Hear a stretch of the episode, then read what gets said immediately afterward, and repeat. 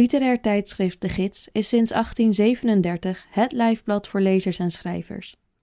En vanaf nu ook voor luisteraars.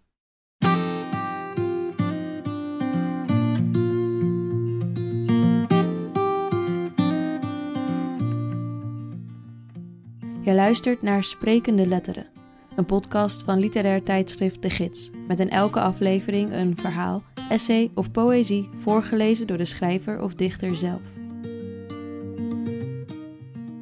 In deze aflevering hoor je Alles komt terug van Marie-Noël Vijs. Deze tekst, die zich nog het best als een supermarktdagboek laat omschrijven, verscheen op DIG, het internettijdschrift van Stichting De Gids. In haar bijdrage opent Marie-Noël Vijs met haar literaire blik de non-plaats waar we bijna dagelijks komen. Luister mee naar Marie-Noël Vijs. Alles komt terug. Maandag. S'avonds passeer ik na het werk de supermarkt die op de weg naar huis ligt. De kassiers daar zijn van die uitstervende exemplaren die doorgaans goed gezind zijn en die honkvast hun leven lang kassiers blijven. In de tijd dat ik zes dagen per week, al acht jaar lang, de kleine supermarkt frequenteer, is er gradueel een soort van verwantschap ontstaan met de kassiers inclusief de karakteristieke en bonte verscheidenheid die er binnen verwantschap bestaan. Wie zal er vandaag aan de kassa staan? Mijn nuchtere oma? Mijn ernstige oom met de leesbril? Mijn neef die op Suske lijkt? Mijn babbeltante? Mijn zwijgzame verre Poolse tante of mijn knappe nicht? Het is, zoals meestal, niet druk in de supermarkt. Slechts een van de drie kassa's is geopend. Ik leg mijn aankopen op de band. Aan de kassa staat mijn nuchtere oma. Ze eet elke morgen een banaan tegen de krampen. Yoghurt die over tijd is, verklaart ze, kan u zeker een week na het verstrijken van de houdbaarheidsdatum houden. Ik krijg een koksappel cadeau van de winkel, waarbij ze me aanraadt om die in de pan klaar te maken en bestrooid met cassonade-suiker samen met een boterham op te eten. Het arme mensenvoedsel van vroeger, voegt ze tot slot nog aan het recept toe. Koopt u nu water in glazen flessen? Ik knik. Vroeger kochten we allemaal glazen flessen. Alles komt terug. Als u zo oud bent als ik, zal u dat nog wel merken. Misschien moet u daarover eens schrijven. U schrijft toch? Dinsdag. Naar de supermarkt om de hoek rijdt je niet met de auto. Er is wel een vrouw als porselein die met de taxi komt. Voor haar alleen worden de boodschappen door de kassiers in de taxi geladen. De supermarkt dateert van 1922. Hij begon als een kruidenierszaak, gelegen in een voormalig wassalon. Daarna werd hij uitgebreid met de bakkerij die leeg kwam te staan twee huizen verder. En tenslotte kreeg hij zijn huidige oppervlakte toen ook de kantwinkel ertussenin vrijkwam. De uitbreiding van de supermarkt is zo'n voorbeeld van de typische Vlaamse voorliefde voor koterij.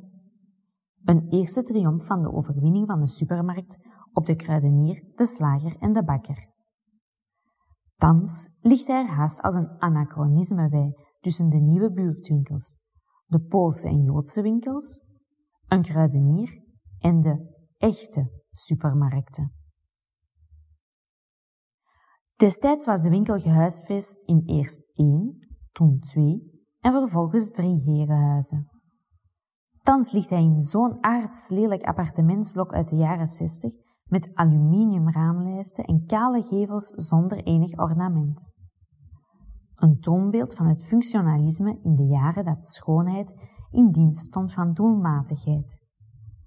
In die tijd moet deze supermarkt zijn hoogtijdagen hebben beleefd. De winkel, die onlangs grondig werd gerenoveerd en toch gedateerd blijft, zoals dat vaak bij de niet zo supergrote supermarkten gaat, is nu voorzien van energiebesparende ledverlichting en lagere rayons, zodat luidt de uitleg van de winkeleigenaar in de plaatselijke krant, de klanten het overzicht kunnen bewaren. Ik heb dan weer gehoord dat de verlichting en de plaats van producten in een supermarkt een marketingtechniek zijn om klanten tot impulsaankopen aan te zetten. Wanneer ik met mijn winkelmandje langs de rayons dwaal, kom ik eerst mijn ernstige oom tegen, de voormalige eigenaar. Met zijn bril op het puntje van zijn neus noteert hij ijverig, terwijl zijn blik over het fruit en de groenten glijdt. Ik doe zijn vrouw de groeten. Verderop zeg ik dag tegen mijn neef, die op Suske lijkt door de krul in zijn zwarte haar. Op zijn knieën vult hij een voorraad voorverpakt vlees aan. Ik weet nog maar kort dat het al generatie na generatie een familiezaak is en dat de ene de vader is en de andere zijn zoon. In het interview in de krant, naar aanleiding van de renovatie, prees de zoon aan. Meer dan 800 producten, met de nadruk op vers, en een kosher en een Pools aanbod. Ik feliciteer hem met de renovatie en het interview in de krant en rijd met mijn winkelmandje verder langs de rekken. Meer dan 800 producten is nog altijd niet veel. Als ik naar een van de grote supermarkten verderop in de stad ga, word ik overweldigd door het enorme aanbod en slaat de keuzestress toe. Slechts 800 producten garandeert dat ik geen impulsaankopen doe. Een winkel met slechts 800 producten staat in deze tijd en westerse plaats van overaanbod bij mij aangeprezen als een haast epicuristisch genot. Dat alles in mijn supermarkt binnen de perken blijft, maakt hier winkelen heilzaam en tot een weldaad voor mijn rusteloze geest. Woensdag. Ik ben dankbaar dat hij bestaat, de supermarkt om de hoek.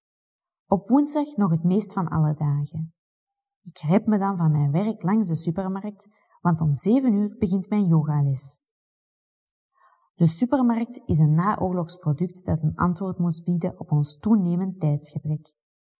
Aanvankelijk specifiek voor de vrouw, die sinds de Tweede Wereldoorlog ook steeds meer buitenshuis gaat werken, vestigde kruidenier en slager samen met de drogist zich onder één dak. Later verdween de slager en kwam er het voorverpakt vlees en het industrieel maar vers gebakken brood bij. Aan de kassa staat vandaag mijn babbeltante, de kassierster die al die acht jaren dat ik hier kom ontzettend lange haren heeft. Ze is de meest spraakzame van allemaal, zodat de rij aan de kassa vandaag wat langer is dan anders. Als ze mijn aankopen scant en ik mijn boodschappen wil inladen, zal ik vast dat er iets veranderd is. Haar haren zijn kort geknipt. Ik complimenteer haar met haar nieuwe kapsel. Ze zucht. Ze zegt dat iedereen altijd denkt dat lang haar veel werk is, maar dat ze nu pas veel werk heeft om s'morgens alles in model te krijgen. Het feunen, de gel of de haarlak nemen veel tijd in beslag. En dan ligt haar haar nog niet goed en moet er nog een speldje in, waarmee ze zich een kind voelt. Ik beaam dat ik lang haar inderdaad een stuk gebruiksvriendelijker vind. Maar u ziet er goed uit en uw haar ligt wel goed, voeg ik er haastig aan toe. Dank u, zucht ze. Ik ben moe. Van dwaag dweilde ik de winkel toen een klant over mijn net gedweilde vloer stepte. Ik vroeg hem of hij eens wou ophouden met door mijn living te steppen. Als ik al denk dat mijn werk mijn thuis is, dan is het dringend tijd om naar huis te gaan. U zou yoga moeten doen, raad ik haar aan. Dan komt u tot rust. Ik doe yoga, antwoordt ze. Daarop wisselen we enthousiast weetjes uit over asanas, yoga-houdingen, van Surya Namaskar, zonnegroet, Adho Mukha Svanasana, neerwaarts kijkende hond, tot Ananda Balasana, gelukkige babyhouding. Achter mij zucht iemand geërgerd. Mijn kassierster is opgehouden met het scannen van mijn aankopen. Ze gaat helemaal op in ons gesprek. Voor de haastige onder ons, ik ben even uit het oog verloren dat ik ook gehaast ben, is er redding op komst. Kassa 2 gaat open. waarop de hele rij klanten na mij voor kassa 2 kiest, zodat wij nog even verder kunnen keuvelen. Dezelfde avond, na mijn yogales, kom ik haar op straat tegen. Ze stapt een nachtwinkel buiten. In haar plastic zak zit een blik Cara-pils. Ik neem me voor nooit meer mijn geduld te verliezen als zij aan de kassa een gesprek wil voeren. Donderdag. Voor mij aan de kassa schuiven drie werklui aan, nog in plunje, met de verfspatten op hun broek. Hun aankoop. 24 blikjes Carapils. Ze spreken een taal die ik niet versta. Ik vermoed dat het Pools is. Aan de kassa spreekt de kassierster hen in dezelfde taal aan. De ingeblikte boterhammen blijken erg goedkoop te zijn. Goedkoper dan mijn 6 liter glazen flessen water. Aan Cara kleeft een heel ander etiket dan bijvoorbeeld Jupiler, dat ik associeer met voetbalwedstrijden, samen zijn en vrolijkheid. Cara is voor mij de drank van de zwerver op de stadsbank en van de Poolse werkmannen die hier ver van hun familie zijn, en sinds kort ook van de kassierster, mijn babbeltante, die ik s'nachts bij de nachtwinkel aantrof. Ik heb de Poolse kassierster graag, omdat ze snel werkt en omdat ze niet meer dan de hoognodige woorden wisselt. Ideaal voor mijn zwijgzame dagen. Wanneer ze mijn flespompoen weegt en ik, doornat, nors en moe van de vierde werkdag deze week, mijn boodschappen inlaat, vraagt tot mijn verbazing. Weet u hoe u die kan klaarmaken? Na acht jaar stilte kan zo'n uitspraak tellen. U moet de pompoen enkele minuten in de microgolf opwarmen. Dan gaat de schil er zo af en vervolgens in de oven klaarmaken met honing. Erg lekker. Ik loop een stuk opgeruimder door de automatische deuren de natte avond in. Vrijdag. In zeven haasten overloop ik mijn boodschappenlijst. Ik heb nog couscous nodig, niet de fijne, maar parelcouscous, de dikkere Siciliaanse versie. Een paar jaar geleden heb ik die dikkere couscous toevallig ontdekt. Niet in de rayon van de droge voeding, maar in de afdeling kosherproducten. Terwijl ik de parelcouscous in mijn winkelmandje laat, realiseer ik me dat het god verlaten is in de supermarkt. Het is het uur tussen hond en wolf. Het weekend staat voor de deur. Je zou verwachten dat aan de kassa volop avondspits zou zijn, maar er is geen mens te bespeuren. Aan de broodafdeling tref ik de kassier Babbelster aan, die met de slang van de stofzuiger de kruimels in de broodschuiven opzuigt, terwijl ze een lied neuriet. Zou ze zich weer in haar living wanen? Waar is iedereen? vraag ik haar. Het is vrijdagavond, legt ze me uit, alsof dat alles verklaart. De zon is onder, voegt ze eraan toe. Nog steeds staar ik haar aan. Het is Sabbat. Eindelijk begrijp ik haar. Inderdaad, ze ontbreken. De mannen met hun zwarte hoeden, die bij regenweer met een plastic zak omwikkeld zijn. De vrouwen met een paar koters aan hun rokken. De kinderen, die er door hun moeders op uitgestuurd zijn met een lege buggy die dienst doet als boodschappenmand, waarin het zij pampers, een dozijn pakken suiker of twintig pakken tissues geladen zijn. Vooral die tissues dachten mijn verbeelding. Als ik naar huis wandel, zie ik voor vele ramen een paar kaarsen van de zevenarmige kandelaar branden. Omwille van de vervolgingen waarvan de Joden de geschiedenis lang het slachtoffer waren, gaan hun synagogen vaak schuil achter de gevel van gewone huizen. Ondertussen ken ik ook de synagoge in mijn buurt, doordat er betonblokken voor de ingang staan en camera's hangen, en doordat er op bepaalde uren van de dag opvallend veel fietsen voor de deur staan, waarvan een heel aantal Hollandse damesfietsen met kinderzitjes. Een jonge vrouw met een Duits-Syrisch accent spreekt me aan. Ze stond me in haar deuropening op te wachten. Of ik het licht bij hen wil aansteken. Ik volg haar naar binnen en ik schakel in hun badkamer en een voorraadskamer de lichten aan. Zaterdag. Het gekrijs van de meeuwen heeft me gewekt en ik ben meteen in jubelstemming. Het is nog vroeg. Het moment om vis te kopen op de markt. Zoals Virginia Woolf graag onopgemerkt zwerft door de straten van Londen, vrij. Zo zwerf ik graag door Antwerpen. Haar excuus, de aankoop van een potlood. Het mijne, verse vis. Onderweg naar de markt kom ik voorbij veel nieuwe zaken waar voordien lang leegstand was. Zuig leeft, mijn buurt. Ik zwaai naar de jonge schoenmaker die met een sigaret in zijn mond en een schoen in zijn hand terugzwaait. Er is die koffiebar waar ze me kennen en waar ik met rust gelaten word. Er zijn de tweedehands kledingzaken en boekenwinkels waar ik ongestoord kan snuisten. Al zal ik straks vluchten voor de zaterdagdrukte, te voet, vele malen sneller dan de auto's die van alle kanten de stad komen bezetten. Van tijd tot tijd wordt er als onterluidst ongeduldig in crescendo geklaksoneerd en doen gestresseerde chauffeurs zichzelf en elkaar de duivel aan door kruispunten te blokkeren en onverwacht te manoeuvreren. Reeds in de 19e-eeuwse literatuur werd het leven in de grootstad beschreven als anoniem, druk en belaagd. Al was het niet allemaal negatief. Schrijvers, zoals Baudelaire en Woolf, ervaarden de stad als een bevrijding. Het is de mix tussen vrijheid en vertrouwdheid die het leven in de stad zo mooi voor mij maakt.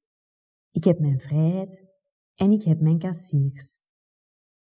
Deze bekenden zijn mijn elixier tegen vereenzaming en onrust, die niet alleen in de stad, maar ook in de rand en in de dorpen welig tieren. Met deze bedenking rep ik me even voor zes naar mijn supermarkt. Op zaterdag sluit de supermarkt om zes uur. Daar zit een van mijn kassiers, mijn knappe nicht, in een kapel van rust, ver weg van de zaterdagse helse stadsdrukte. Als een echte helderziende, een broodnodige psycholoog, biechtvrouw, die net voor sluitingstijd de juiste woorden vindt. Een wijze vrouw, die weerwoord weet tegen de stress die zich ook op deze vrije dag meester van mij wist te maken. In tegenstelling tot zowat alle andere mensen om me heen, heeft ze geen smartphone bij de hand, waardoor ze het nog gewoon is om een echt gesprek te voeren en een gemeend luisterend oor te bieden voor iedereen die er nood aan heeft. Zondag. Zoals elke eerste zondag van de maand is de intocht naar de stad bezig, als ik ochtends tegen de stroom in de stad verlaat. Ik ga de hele tijd rechtdoor, totdat ik uitkom in het dorp waar mijn ouderlijk huis staat.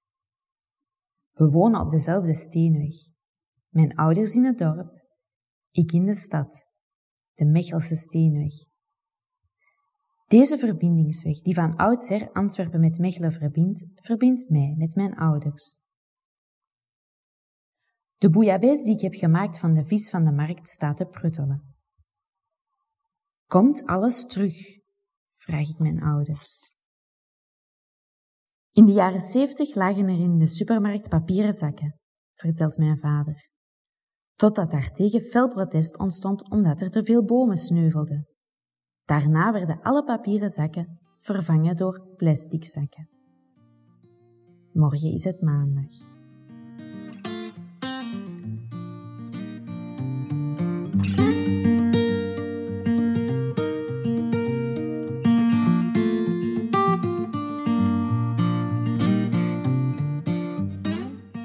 Je luisterde naar Alles komt terug van Marie-Noël Vijs.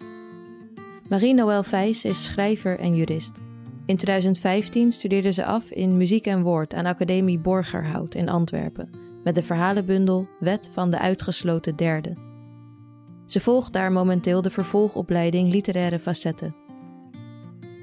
Wil je dit verhaal teruglezen? Dat kan. Alle bijdragen van DIG zijn terug te lezen op onze website www.de-gids.nl dig. En wil je nog meer de gids? Abonnee worden kan al voor 20 euro per jaar.